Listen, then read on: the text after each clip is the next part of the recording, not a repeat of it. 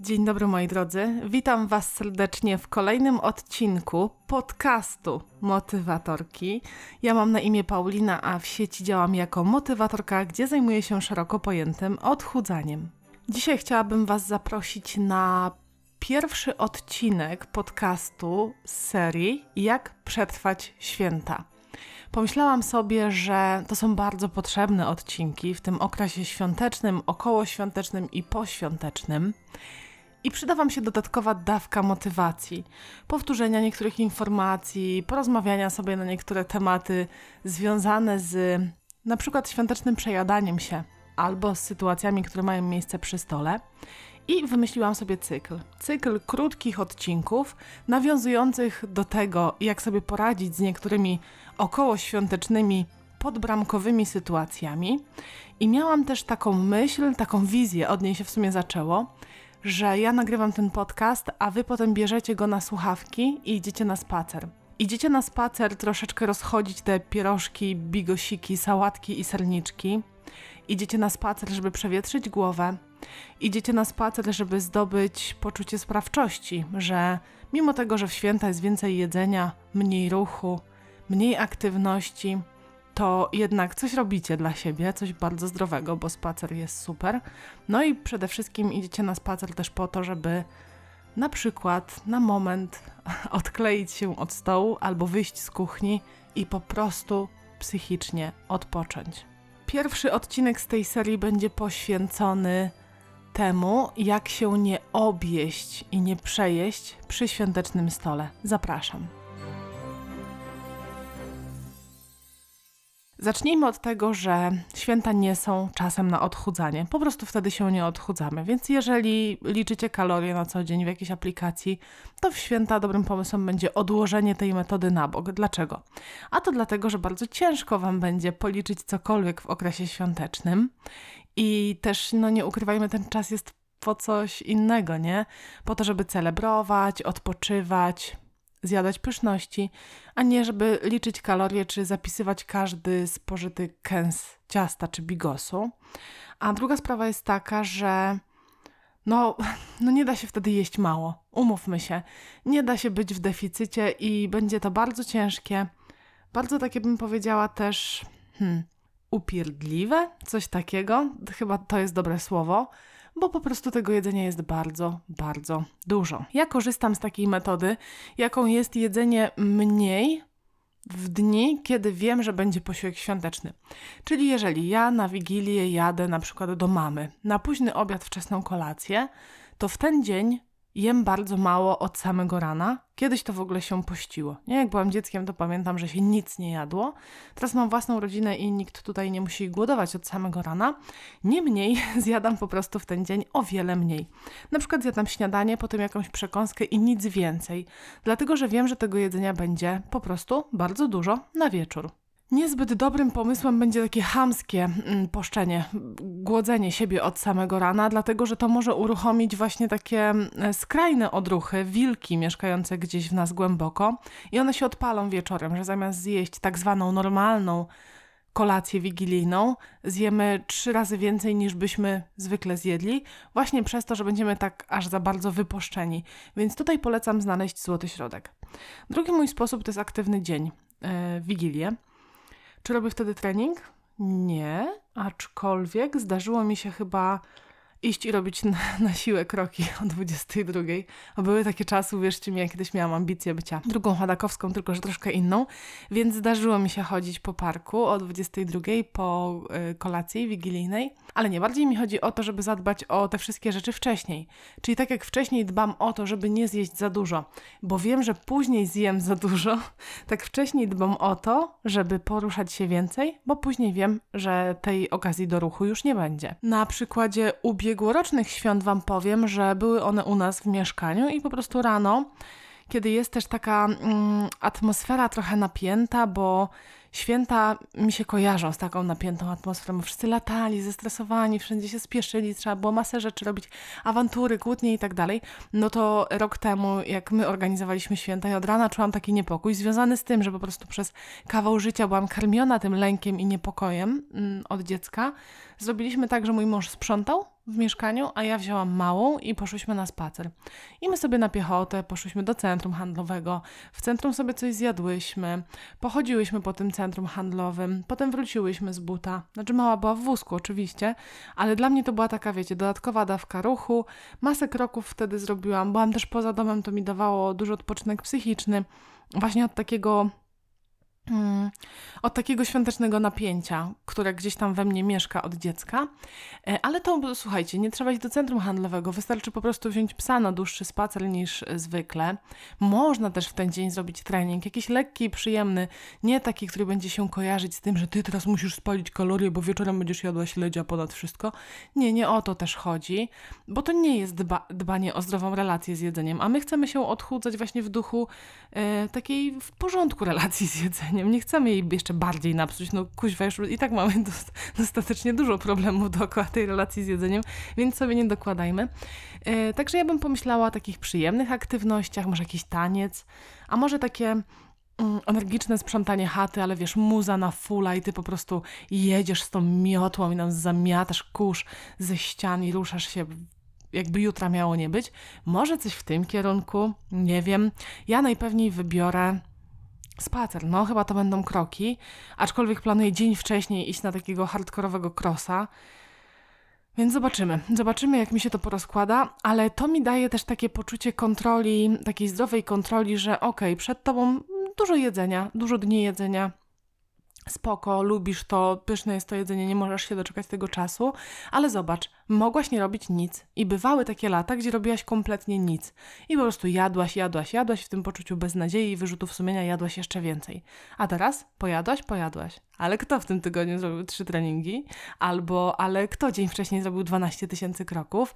Wiesz, w taką stronę, gdzie czujesz, że masz taką kontrolę nad procesem i to, że będzie kilka dni przejadania się, nie zaburzy ci takiego poczucia, że e, ja, no ja ogarniam, ja po prostu 27 wracam jak do siebie i do widzenia. Kolejna sprawa, myślę, że już taka kluczowa i dotycząca bezpośrednio jedzenia e, świątecznego, to jest to, jak my się z, możemy zachowywać przy stole, tak żeby zminimalizować e, ryzyko takiego hardkorowego przejadania się.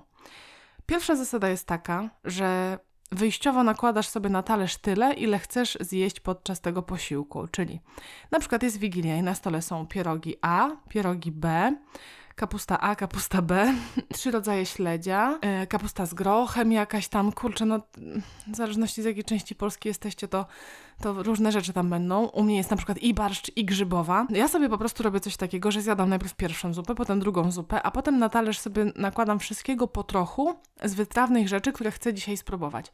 Czyli w tym momencie ja już decyduję, ile chcę zjeść pierogów A, ile B, ile kapusty, ile czegoś tam, ile czegoś tam. Mówię o wytrawnych rzeczach tylko.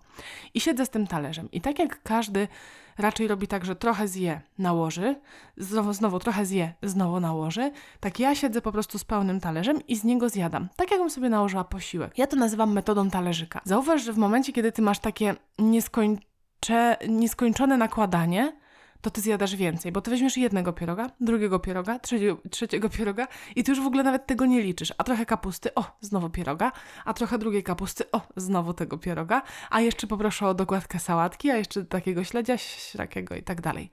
I to się nie kończy. I dopóki ty nie poczujesz takiego przepełnienia, bólu brzucha, albo ktoś nie powie, że wjeżdżają ciasta, to ty możesz, wiesz, no był start, a nie ma stop, nie ma przycisku zatrzymaj się i możesz jechać tak bez końca. A nałożenie sobie z góry na talerz całej porcji, naprawdę uwierz mi, dużej porcji, no bo ten duży obiadowy talerz zmieści sporo jedzenia. Uchroni cię przed tym, że rozpocznie się taki, taki festiwal jedzenia, jedzenia, jedzenia, jedzenia, aż do bólu brzucha, bo ty zjesz po prostu duży posiłek. I wydawać by się mogło, że Paula, ale jak to będzie wyglądać? To będzie fura jedzenia. Wstyd mi będzie z taką furą jedzenia siedzieć na tym talerzu. Stara, ale ty wiesz, ile ty zjadasz, kiedy ty sobie tego nie nakładasz? Najprawdopodobniej oczywiście, nie znam każdego mojego słuchacza, ale jak my właśnie do tego podchodzimy jak do szwedzkiego stołu, że wiecznie mogę sobie dołożyć i dołożyć i dołożyć, to my naprawdę zjadamy o wiele, o wiele więcej.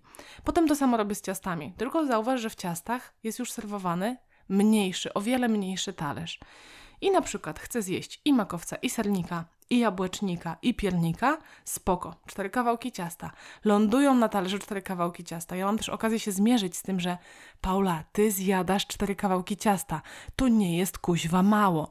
Bo wiecie, ten taki demon mieszkający we mnie, ta Paula obiada, obiadająca się, która zostanie już ze mną do końca życia, ma coś takiego, że no ale co, to ja mam zjeść tylko po jednym kawałku każdego ciasta? Nie mogę zacząć tego festiwalu ciastowego, że wiecie, tu ciacho, tam ciacho, tu ciacho, ciacho, a potem nie mogę się ruszyć ani oddychać. No tak, no po to to robię, żeby skonfrontować się z tą obiadającą Paulą i pokazać jej, że cztery kawałki ciasta, które widzisz na raz, w tej sekundzie na tym talerzu, to naprawdę nie jest mało. Trochę takie ma to wydźwięk dla tej Pauli obiadającej się taki szokowy leciutko, no ale umówmy się, my byśmy zjedli więcej, gdybyśmy pozwalali sobie, wiecie, siedzieć i dokładać, i dokładać, i dokładać, i zazwyczaj tak się kończą święta. No i kiedy już mamy zachowaną metodę talerzyka i mm, w wytrawnych potrawach, i w słodkich, można powiedzieć, że jesteśmy w domu. Bo tutaj co nam więcej grozi? My będziemy i tak bardzo, bardzo najedzeni, więc jest małe prawdopodobieństwo, że coś jeszcze wleci. W niektórych domach wiem, że wtedy się jeszcze zaczyna coś takiego jak jedzenie słodyczy, które przyniósł Mikołaj pod choinkę. Myślę, że dobrym pomysłem będzie już teraz poproszenie rodziny, żeby albo nie kupowali wam takich słodyczy, jeżeli oczywiście ich nie chcecie i boicie się, że będziecie się nimi obiadać, albo rozdanie tego, nie? Albo gdzieś tam podstałem dać mamie i powiedzieć, proszę cię, schowaj, nie? Da, dasz mi to za kilka dni.